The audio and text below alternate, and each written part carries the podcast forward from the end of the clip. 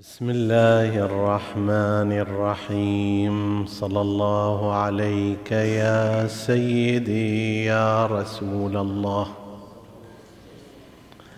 صلى الله عليك وعلى ابن عمك أمير المؤمنين وإمام المتقين.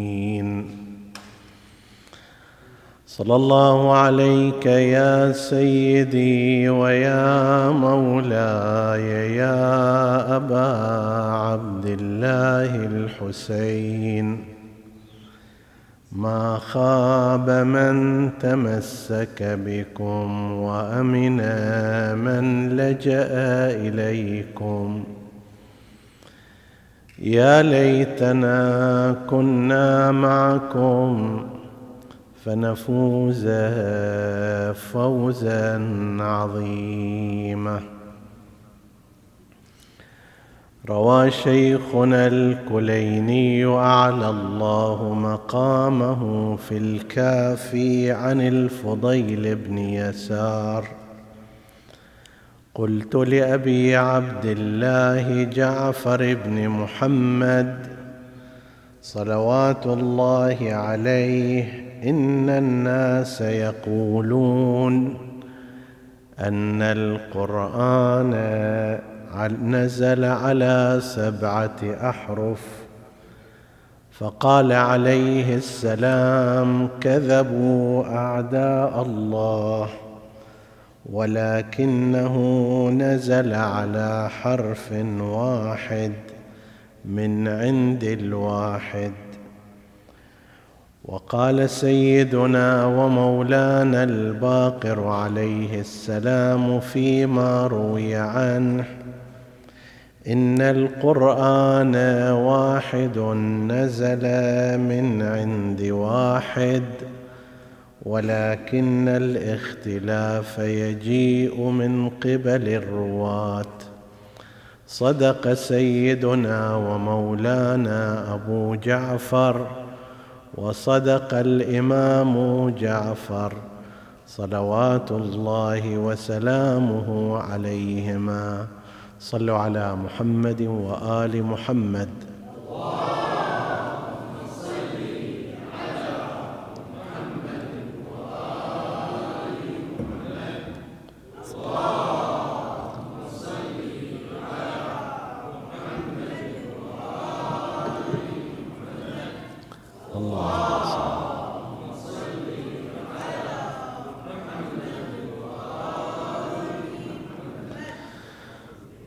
حديثنا بإذن الله تعالى يتناول موضوع القراءات السبع فضلا عن العشر التي هي الشائعة في ثقافة مدرسة الخلفاء فيما يرتبط بالقرآن الكريم.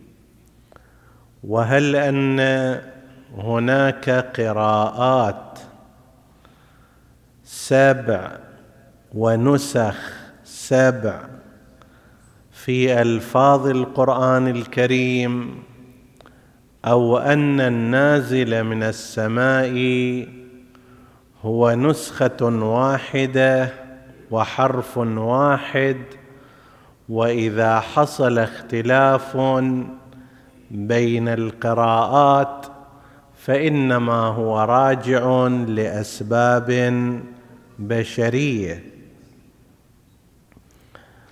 الرأي الرسمي في مدرسة الخلفاء يؤكد على أن للقرآن الكريم قراءات بمعنى نسخ الفاظ فما هو مثلا موجود في قراءة حفص عن عاصم ليس موجودا بالضبط في قراءة ورش مثلا. وما هو موجود في قراءة الكسائي ليس موجودا بتمامه في قراءة أبي عمرو البصري مثلا وإنما يوجد هناك اختلافات بعضها اختلافات في التشكيل وبعضها في التنقيط وبعضها أكثر من ذلك. تصل إلى قضية تغيير الكلمة. وهم يعتقدون أن هذا من التهوين على الأمة والتسهيل عليها بل يضيفون إلى ذلك أن النبي صلى الله عليه وآله فيما يروون في كتبهم أقر هذا الاختلاف وجعل الأمر طبيعيا وتسهيلا على الأمة وهم يعتقدون أن هذه القراءات قراءات متواترة لم تصل إلينا بخبر الآحاد وإنما متواترة وهو رأي قوي عندهم. بل تجاوز البعض منهم الحد عندما قال من لم يعتقد بتواتر القراءات عن النبي صلى الله عليه وآله فهو كافر كما نسب ذلك إلى مفتي الديار الأندلسية. نظر الإمامية تبعا للامام للأئمة عليهم السلام أن الكلام عن قراءات متعدده متعددة سواء كانت نازلة من السماء متعددة أو أن النبي أقرها هذا حديث لا يمكن قبوله للبراهين التي سوف يقيمونها. ويعتقدون أن القرآن الكريم نسخة واحدة. إذا صار أن هناك اختلاف بين هذا وذاك وبين هذا القارئ وذاك القارئ فهذا لا يرتبط بأن القرآن نزل متعددا ولا يرتبط بأن جبرائيل جاء به متعددا. ولا يرتبط بأن النبي أقر هذا المعنى وإنما هي قراءة واحدة واختلف الرواة واحد منهم مصيب والباقون جانبوا الصواب.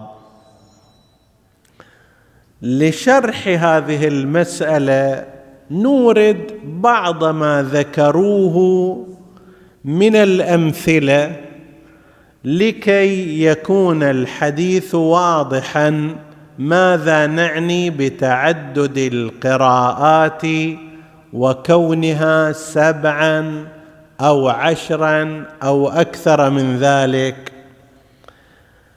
ننقل بعض بعض الآيات مما ذكر فيها الاختلاف وهذا لا على سبيل الحصر وإنما على سبيل التمثيل لكي يتضح الأمر. في قول الله عز وجل في قراءة حفص مثلا المصحف الشائع عندنا في المشرق والذي ذكرنا عند الحديث عن جمع القرآن وتاريخ القرآن أن هذه القراءة تنتهي إلى الإمام أمير المؤمنين عليه السلام. هذا المصحف اللي موجود عندنا قراءة حفص عن عاصم مثلا فيه هؤلاء بناتي هن أطهر لكم. بينما في قراءة أخرى هن أطهر لكم. طبعا هذا يحتاج إليه إلى تأمل في كيفية كيف صار أطهر بينما كان المفروض أن تكون مرفوعة لأنها خبر. كيف صارت هناك منصوبة أو مفتوحة؟ يحتاج إلى تأمل في قواعد اللغة. في قول الله عز وجل وهل نجازي إلا الكفور هذا الموجود في المصحف الشائع في المشرق. في غيره من القراءات وهل يجازى إلا الكفور هناك هل نجازي فعل مبني للمعلوم. هناك صار فعل مبني للمجهول هل يجازى إلا الكفور؟ في قول الله عز وجل ويأمرون الناس بالبخل في المصحف المعروف بضم الباء وسكون الخاء البخل بينما في قراءة أخرى بالضم ثم الفتح. عفوا بالفتح في كلا الأمرين بالبخل. يأمرون الناس بالبخل لا بالبخل. في قوله تعالى فنظرة إلى ميسرة. هنا بفتح السين لما نروح إلى بعض القراءات الأخرى بكسر السين تصير فنظرة إلى ميسرة. في قوله تعالى لهذا بعد أوضح الاختلاف فيه وانظر إلى العظام كيف ننشزها ثم نكسوها لحما. في قراءة أخرى بدل ننشزها جاءت ننشرها من النشر لا من الناشز.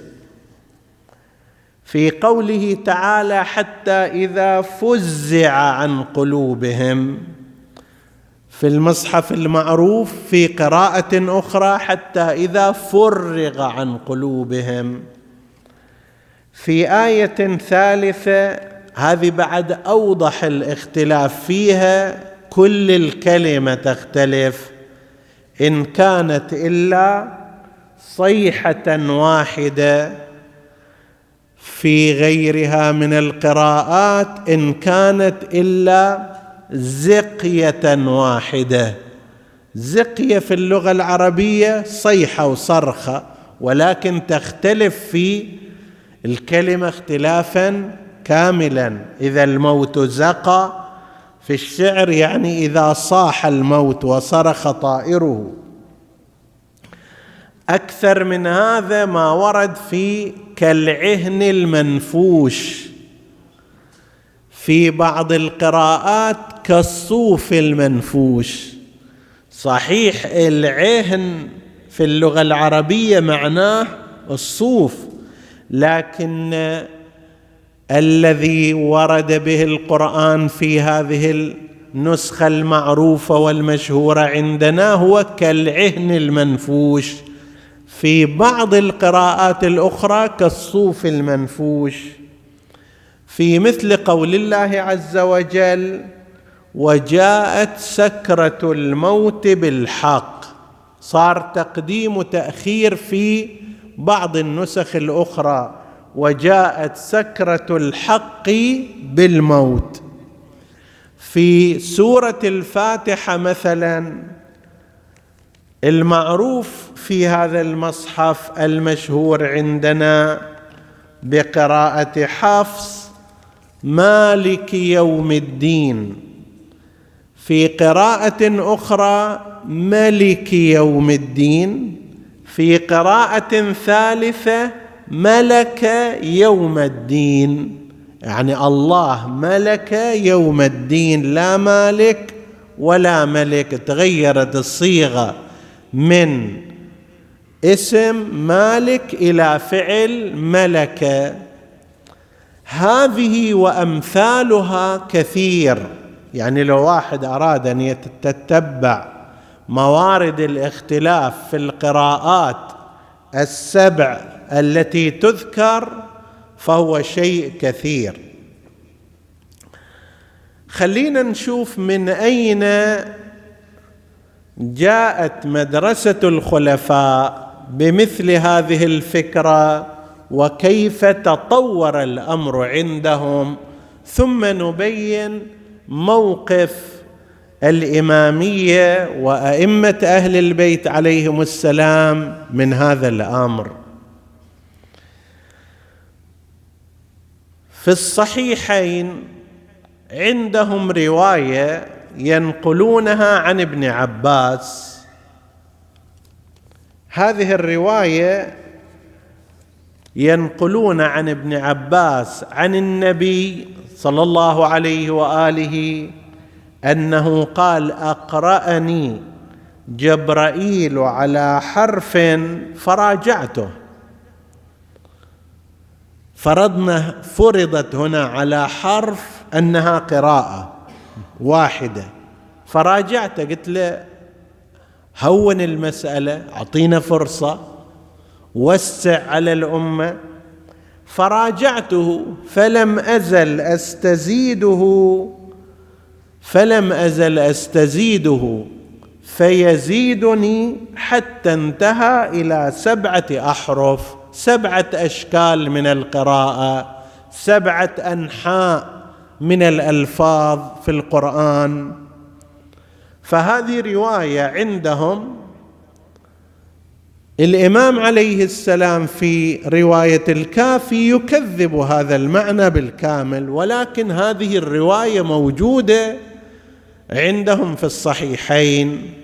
في مسند أحمد فيها تفصيل أكثر.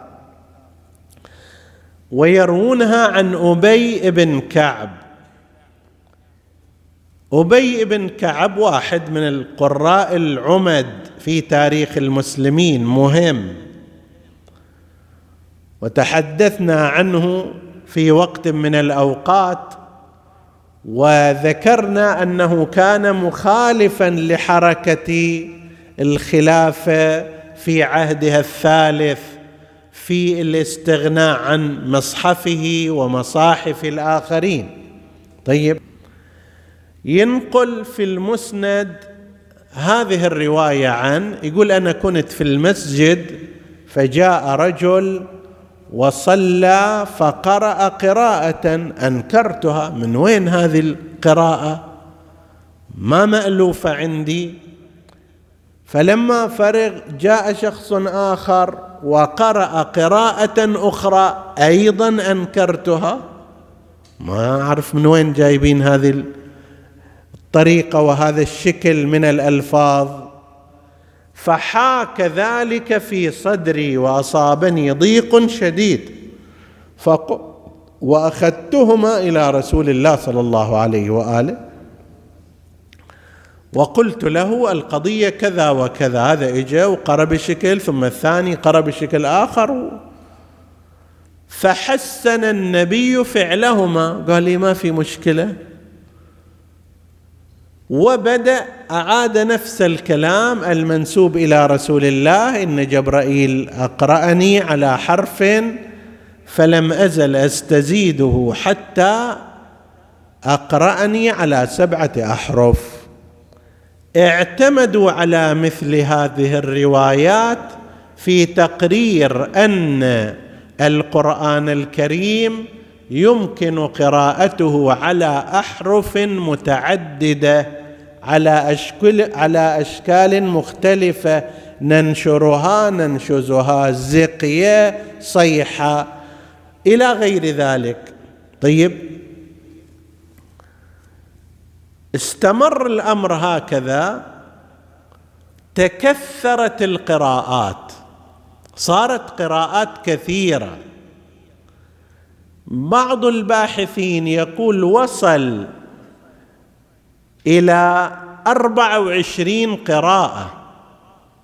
وألف بعض المؤلفين في ذلك قراءات فيما بينها اختلاف مثل الذي, ذكرناه. أربع وعشرين نسخة أربع وعشرين شكل.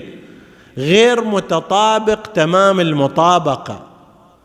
إلى حوالي سنة ثلاثمائة للهجرة جاء أحد العلماء من مدرسة الخلفاء يقال له ابن مجاهد وقال هالشكل ما يصير 24 قراءة بعد طوختوها حسب التعبير. فأقر سبع قراءات واستثنى ما بقي.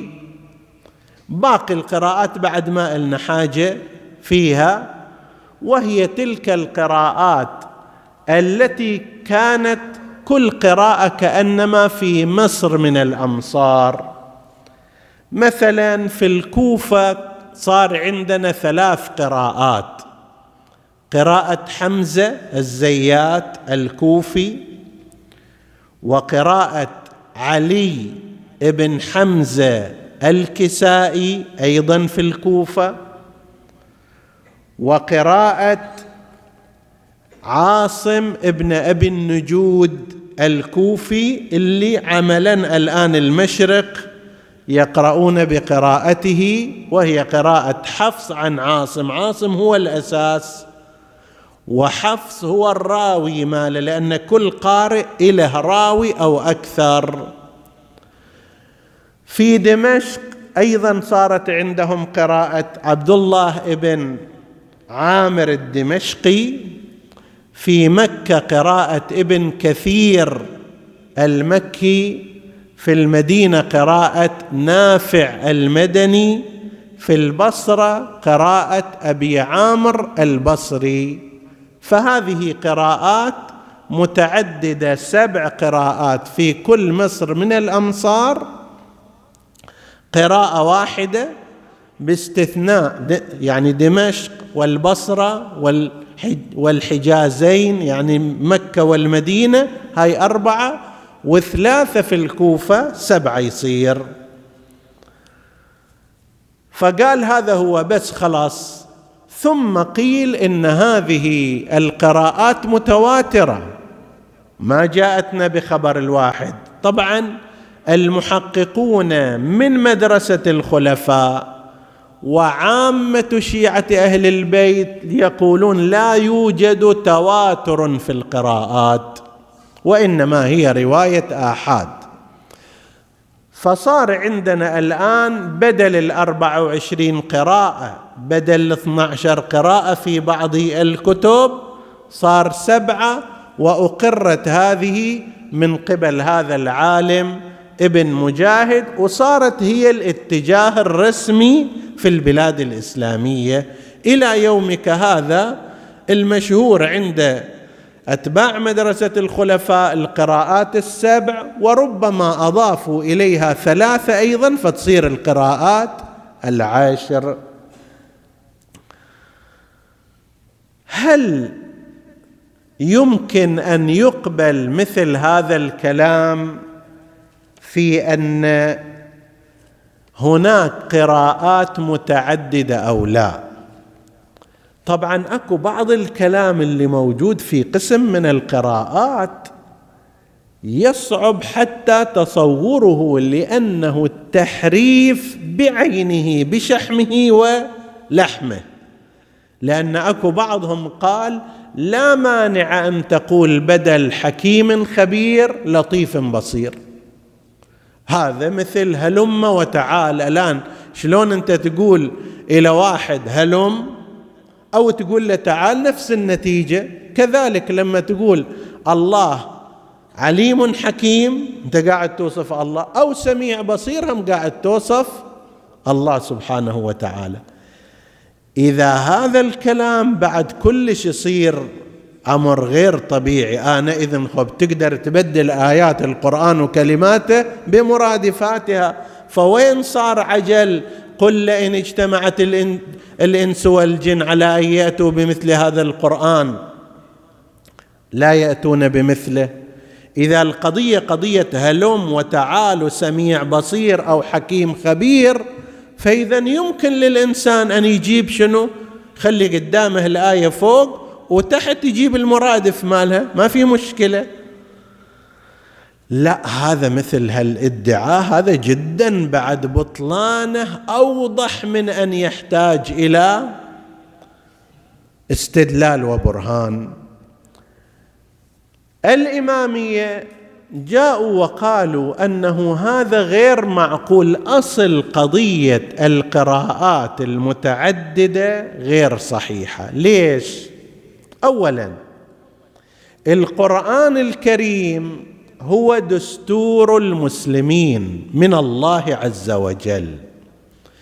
احتوى على العقائد واحتوى على الشرائع الأحكام واحتوى على الأخلاق. بالإضافة إلى قصص الأنبياء وإلى آخره. زين. الآن أنت لو تتصور حاكم وسلطان يريد يجي يعطي بلده دستور وقانون. هذا هذا الحاكم يجي ويخلي هذا الدستور دقيق العبارة واضح ما في مجال لتفسير منا ومناك. حتى لا ينلعب بالدستور. زين هل يستطيع حاكم سلطان هل يصح منه أن يجيب دستور ويعطيه بسبعة أشكال؟ سبعة ألفاظ سبعة معاني كل معنى لا ننشرها وننشزها. طيب وكل واحد له مؤدى يطهرن ويطهرن. كل واحد له معنى في اللغة العربية.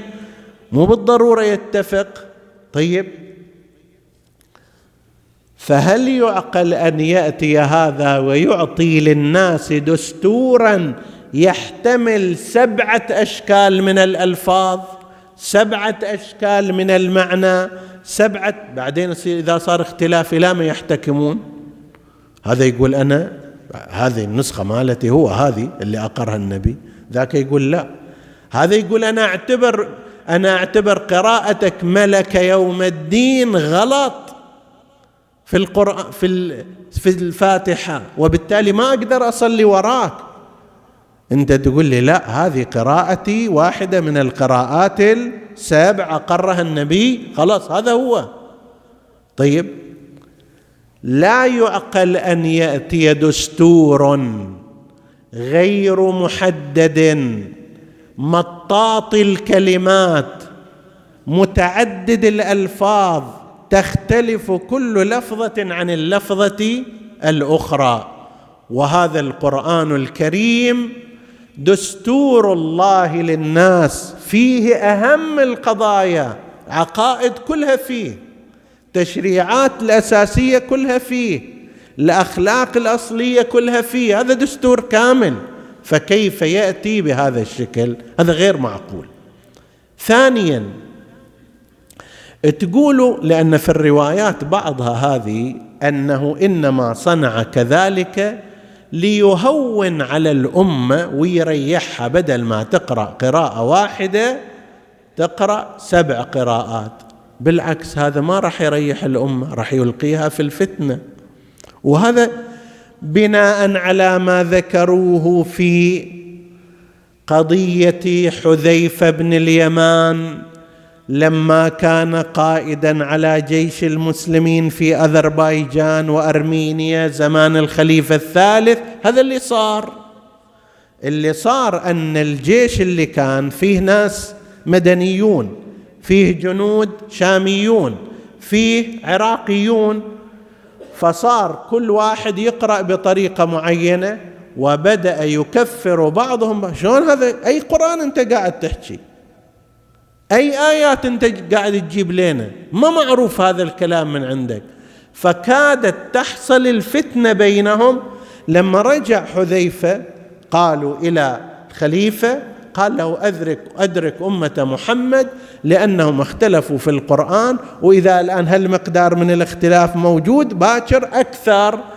فهذا يقولون هذا في الاتجاه الرسمي.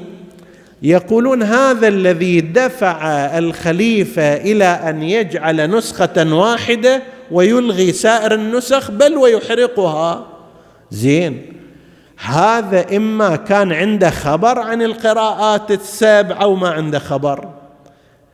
كيف واحد من أصحاب النبي ما عنده خبر عن القراءات ويخالف فعل النبي؟ لو كان هذا قضية القراءات السبع من النبي ونازلة من السماء من جبرائيل المفروض ما يسوي هالشكل ما ما يخلي واحدة. اللي كان عدة قراءات حتى يصير تهوين وتيسير على الأمة. ليش ليش يعسر عليها؟ لا ليس كذلك. بالعكس عندما يكون هناك نسخ متعددة قراءات مختلفة هي اللي راح تكون منشأ للاختلاف. سيصعب على المسلمين أن يتفقوا على قسم من الأحكام لاختلاف القراءات. يصعب على المسلمين أن يعذر بعضهم بعضا أن يصلي بعضهم وراء بعض. طيب ولذلك ليس معقولا هذا الكلام.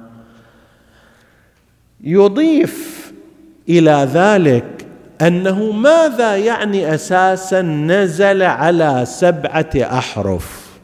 واجوا بعدين في شرح هذه الأحاديث في الصحيحين. أقرأني على سبعة وش معنى سبعة أحرف؟ قسم قالوا سبعة أحرف يعني سبع لهجات. قريش عربية لكن عندها لهجة. أسد عربية لكن عندها لهجة. هذيل عربية لكن عندها لهجة. وهكذا. وتختلف هذه اللهجات. فإذا كان الأمر كذلك فهي اذا سبعة أحرف يعني سبع لهجات. هذا قسم قالوا.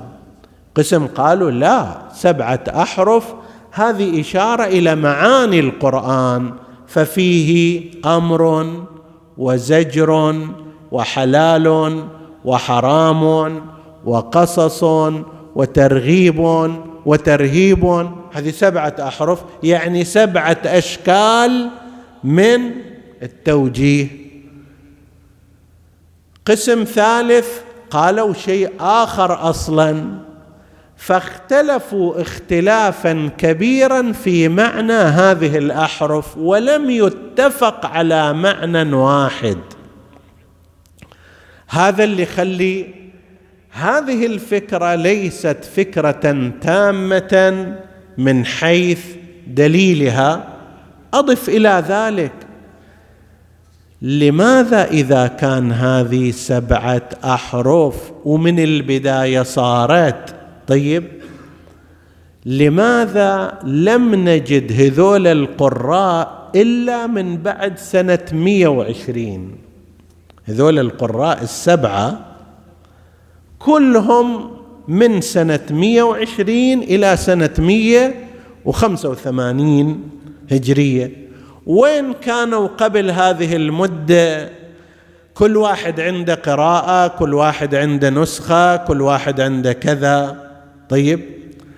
وهذا الذي صار فيما بعد تكثير القراءات ثم تقنينها في سبعة هذا متأخر صار في سنة 300 هجرية. إذا كانت القراءات سبعة من البداية في زمان النبي ما كان يحتاج إلى تقنينها سنة 300 وخلاص نقول ماكو 24 ولا أكو عشر ولا أكو 12 وإنما هي سبعة من زمان رسول الله بعد ما في مجال إلى أكثر منها. لكن الأمر ليس كذلك. يشير بعض الباحثين إلى أسباب هو يراها هي الأسباب الحقيقية.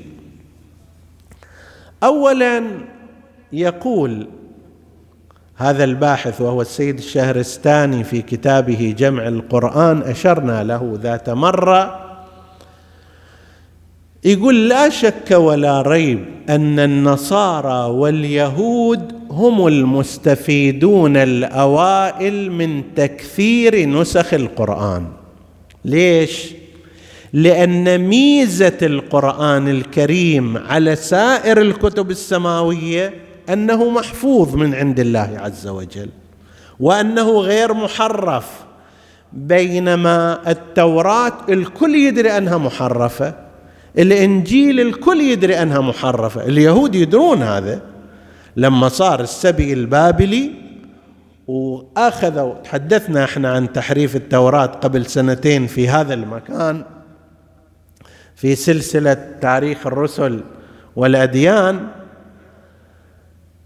أخذ اليهود في السبي البابلي الفئة الدينية كلها الرجال كلهم افتتحت فلسطين صودرت الأموال من قبل الملوك البابليين. الكتب كلها أخذت الفئة الدينية كلها ودوهم إلى وين؟ إلى بابل العراق. وهناك أتلفت كتب العلم كلها من قبل البابليين. صار إحراق. فبدأ اليهود والفئة الدينية اليهودية تعيد الكتابة للتوراة من الحفظ وهذا واحد من الأسباب. غير الأسباب السياسية الأخرى مالت حكومات ومصلحة الأحبار والرهبان والأكل بالباطل. فيدرون أنه هناك تحريف. الإنجيل أيضا أوضح لأنه لم يبدأ بكتابة كلمات عيسى ابن مريم على نبينا وآله وعليه أفضل الصلاة والسلام اذكر النبي بالصلوات.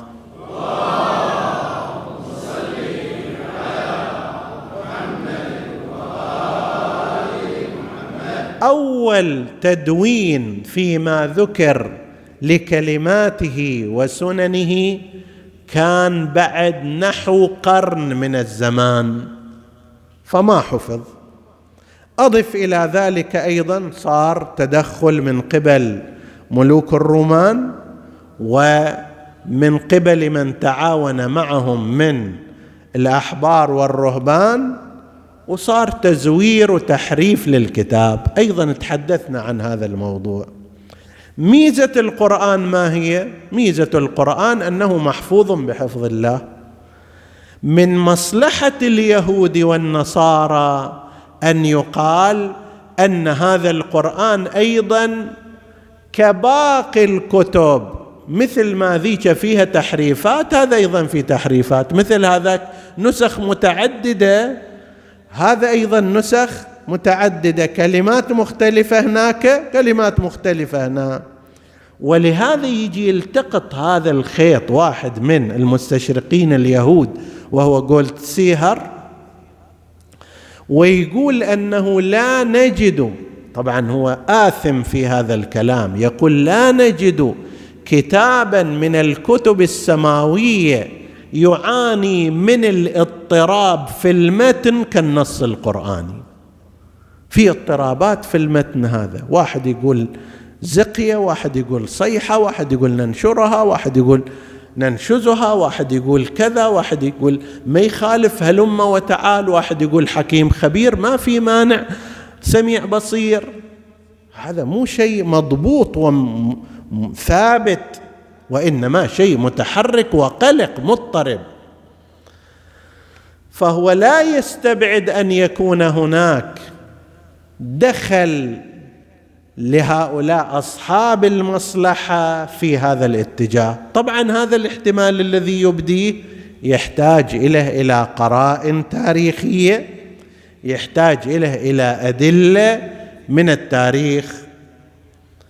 الاحتمال الثاني الذي يذكره ويورد عليه بعض الأمثلة أنه هذا كان بتشجيع بعض الخلفاء وكبار بعض كبار الصحابة ممن كان شخصيتهم الاجتماعية والسياسية كبيرة لكن شخصيتهم العلمية كانت شخصية بسيطة.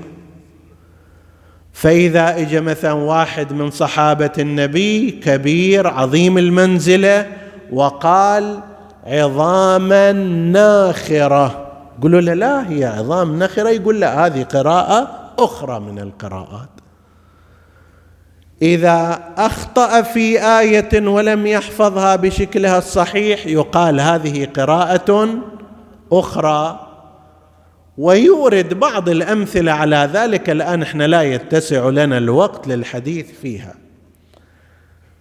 في رأي الإمامية كما ذكرنا الأمر كله هذا لا يستقيم ولا يصح وإنما يقولون أن القرآن واحد نزل من عند الواحد وهو الذي تقتضيه الاعتبارات هو اللي ينبغي أن يكون لأن القرآن محفوظ معنى الحفظ أن نسخته محفوظة وإلا إذا كان فرضنا عشرين قراءة ثلاثين قراءة أربعين قراءة وش هالحفظ هذا اللي صار؟ وما فرق ما بين هذا وما بين سائر الكتب السماوية التي تعرضت للتحريف. كيف ذاك نقول لم تحفظ وهذا حفظ؟ والحال نفس العملية هناك تغيرت ألفاظ وكلمات وجمل وهنا هم تغيرت ألفاظ وكلمات وجمل ما الفرق؟ إنا له لحافظون ما صار. كما أن الدستور ينبغي أن يكون من الدقة والإتقان بحيث حتى النقطة تأثر. فكيف إذا كان إحنا الآن ذكرنا قريب من 12 13 مورد بس للتمثيل وأما إذا تريد فهو أكثر من ذلك بكثير جدا وهذه تترتب عليها اختلافات في قضية البلاغة. بعض الكلمات التي هي في قراءات أخرى ما فيها بلاغة أصلا. بعض الكلمات بناء عليها تتغير أحكام بعض الكلمات بناء عليها تتبدل عقائد. فكيف يمكن لنص قرآني لكلام الله عز وجل المحفوظ الذي جاء به جبرائيل ونحن لا نتوهم؟ ولا نتوقع أن جبرائيل مثلا لما جاء بسورة الفاتحة قراها سبع مرات على النبي. قال له سجل رقم واحد القراءة الأولى. الحمد لله رب العالمين الرحمن الرحيم إلى ولا الضالين. طبعا في ولا الضالين أيضا في قراءة غير المغضوب عليهم وغير الضالين. هذه إحدى القراءات مو ولا الضالين. طيب. فيجي قراءة رقم واحد سجلها بعدين قراءة رقم اثنين سجلها بعدين رقم قراءة ثلاثة سجلها وهكذا. بقرة هم سبع مرات لازم تنزل على سبعة أحرف. بعض آياتها سبع مرات تنزل. هذا أمر لا يمكن أن يكون صحيحا. إذا لماذا حدث هذا؟ يجيب الإمام الباقر عليه السلام وإنما الاختلاف حدث من الرواة أو يجيء من الرواة. لا سيما أن إلى حوالي سنة سبعين هجرية كما ذكرنا في محاضرة تاريخ القرآن كانت قضية التشكيل للكلمات والتنقيط للألفاظ غير موجود. من ذاك الوقت بدأ التوجيه إليها من وراء شيعة الإمام عليه السلام كأبي الأسود الدؤلي ويحيى بن يعمر العدواني وآخرين. طيب فلما يجي هؤلاء الرواة قبل التشكيل قبل التنقيط ويقرؤون شيئا يختلفون يخطئون يروح يعلم جماعة على غير النهج السليم. ولو قرأوها كما قرأها مثلا أبو عبد الرحمن السلمي. الذي قال أقرأني علي بن أبي طالب القرآن حرفا حرفا حرفا حرفا. ذاك الوقت بعد ما يصير فيه أي مجال لأن يصير هناك هذه الاختلافات. إحنا نجد طبعا على فرض أنه صار اختلافات هذه فد مسألة فقهية لا بأس من الإشارة إليها أيضا.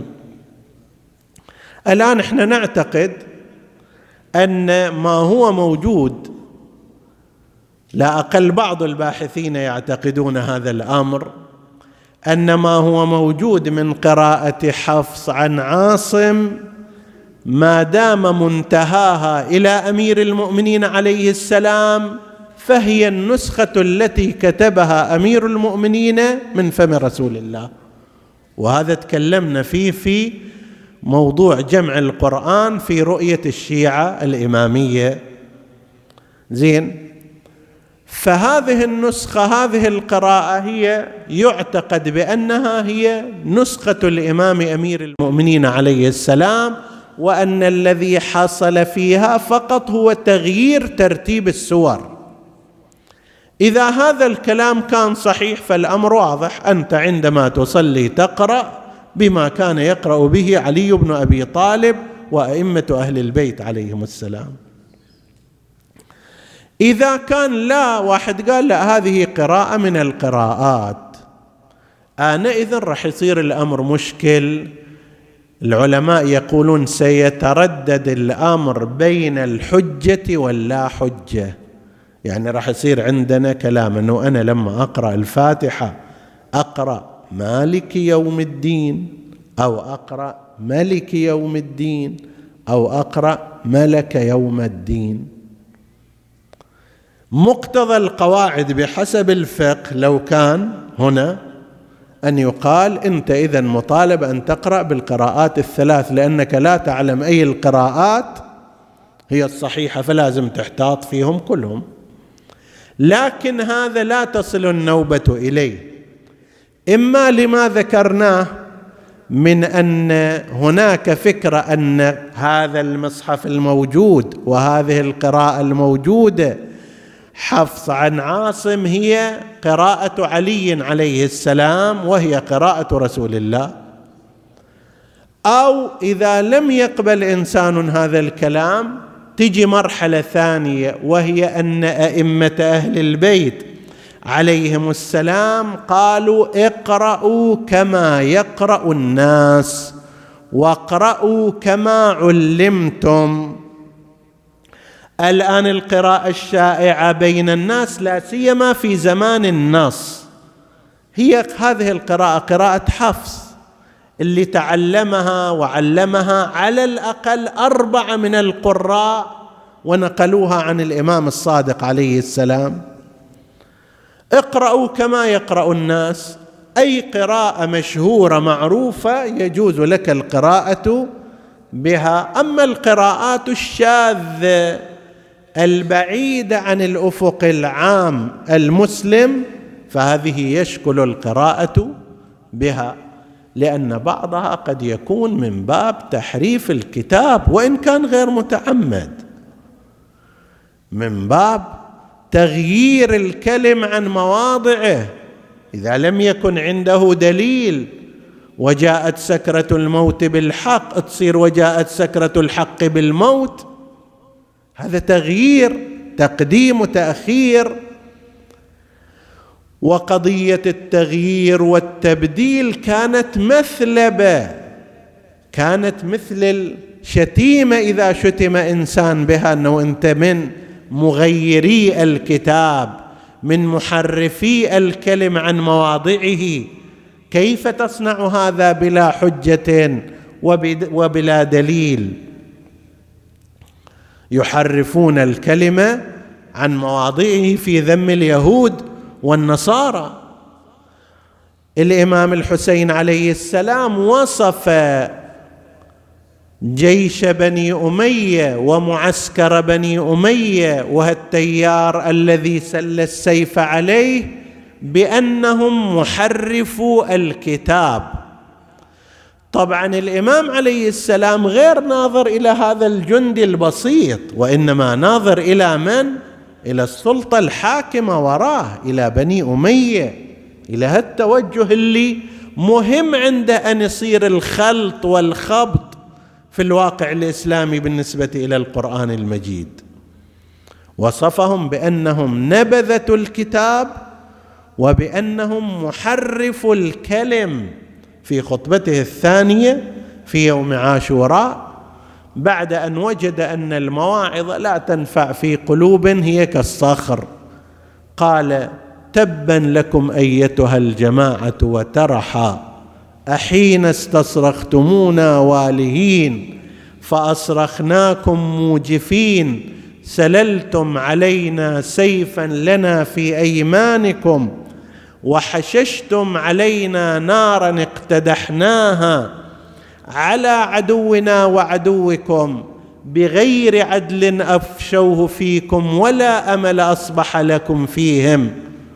إلى أن يقول فسحقا لكم يا عبيد الأمة. فسحقا لكم يا عبيد الأمة. وشذاذ الأحزاب ونبذة الكتاب. أنتم نبذتم القرآن وراء ظهوركم. ونبذة الكتاب ومحرف الكلم حرفتم كلام الله وغيرتموه عن مواضعه ومحرف الكلم وعصبة الإثم ويحكم أهؤلاء تعضدون؟ وعنا تتخاذلون؟ وعنا تتخاذلون؟ أجل غدر والله فيكم قديم. وشجت عليه أصولكم. وتآزرت فروعكم فكنتم أخبث ثمر شجا للناظر وأكلة للغاصب. ألا وإن الدعي ابن الدعي قد ركز بين اثنتين بين السلة والذلة وهيهات من الذلة يأبى الله ذلك لنا ورسوله والمؤمنون وحجور طابت وطهرت وأنوف حمية ونفوس أبية من أن نؤثر طاعة اللئام على مصارع الكرام. طمعت أن تسومه القوم ضيما. وأبى الله والحسام الصنيع كيف يلوي على الدنية جيدا. لسوى الله ما لواه الخضوع فتلقى الجموع فردا ولكن كل عضو في الروع منه جموع. بأبي يقول بأبي كالئا على الطف خدرا هو اللي كان حامي خدر النساء. كان حامي النساء وهذه الخيام بأبي كالئا على الطف خدرا هو في شفرة الحسام صنيع. سيد حيدر ما الذي حصل؟ بعد ذلك قال قطعوا بعده عراه. ويا حبل وريد الإسلام أنت القطيع. بعد إيش صار؟ وصف إلا قال وسروا في عقائل الوحي أسرى وعداك ابن أمها التقريع. يقول له يعني أنا أدري هذا الكلام يقرعك يحزنك يكربك لكن أنا مو قصدي أأذيك هذا الوصف للحالة. وعداك ابن أمها التقريع لو تراها والعيس جشمها الحادي. من السير فوق ما تستطيع ووراها العفاف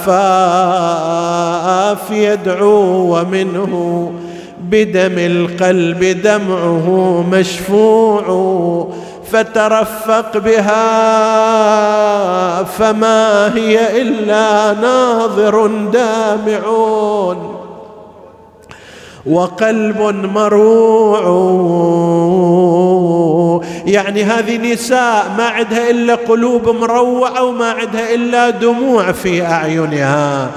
فترفق بها فما هي إلا ناظر دامعون وقلب مروع لا تسمها يا جذب البراء أو تدري ربة الخدر ما البرى ما النسوع لما قربت إليها النياق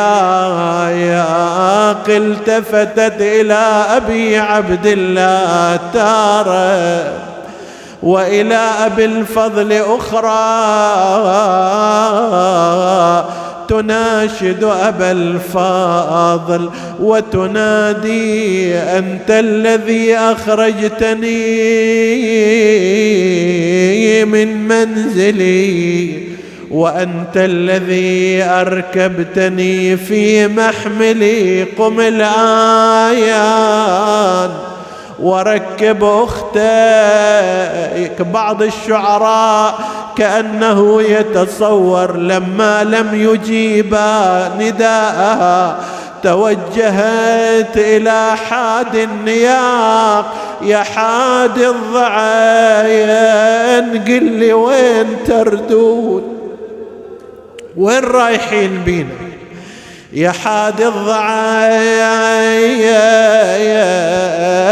قل لي وين تردون؟ وعلى الجثة خيمات تمرون يا يا على جثة خيمات مايا يا الروح نقعد سويعة وتشيلون نودع هؤلاء. نراقبهم نلثم جراحهم. يا حاد الضعاين ما تشفج علينا وتمر بينا على جثة ولينا. يا يابا وتمر بينا على جثة جثة يا يا تولي. يما تقعد سويعة سكينة. يما تقعد سويعة سكينة. تشم وتلثم جروحه وتشيله. يا يا بتشم وتلثم جروحا يا جروحا يا وتشي يا ويل يا حاد الضعن وين الضعن من وين لوين رايحين من وين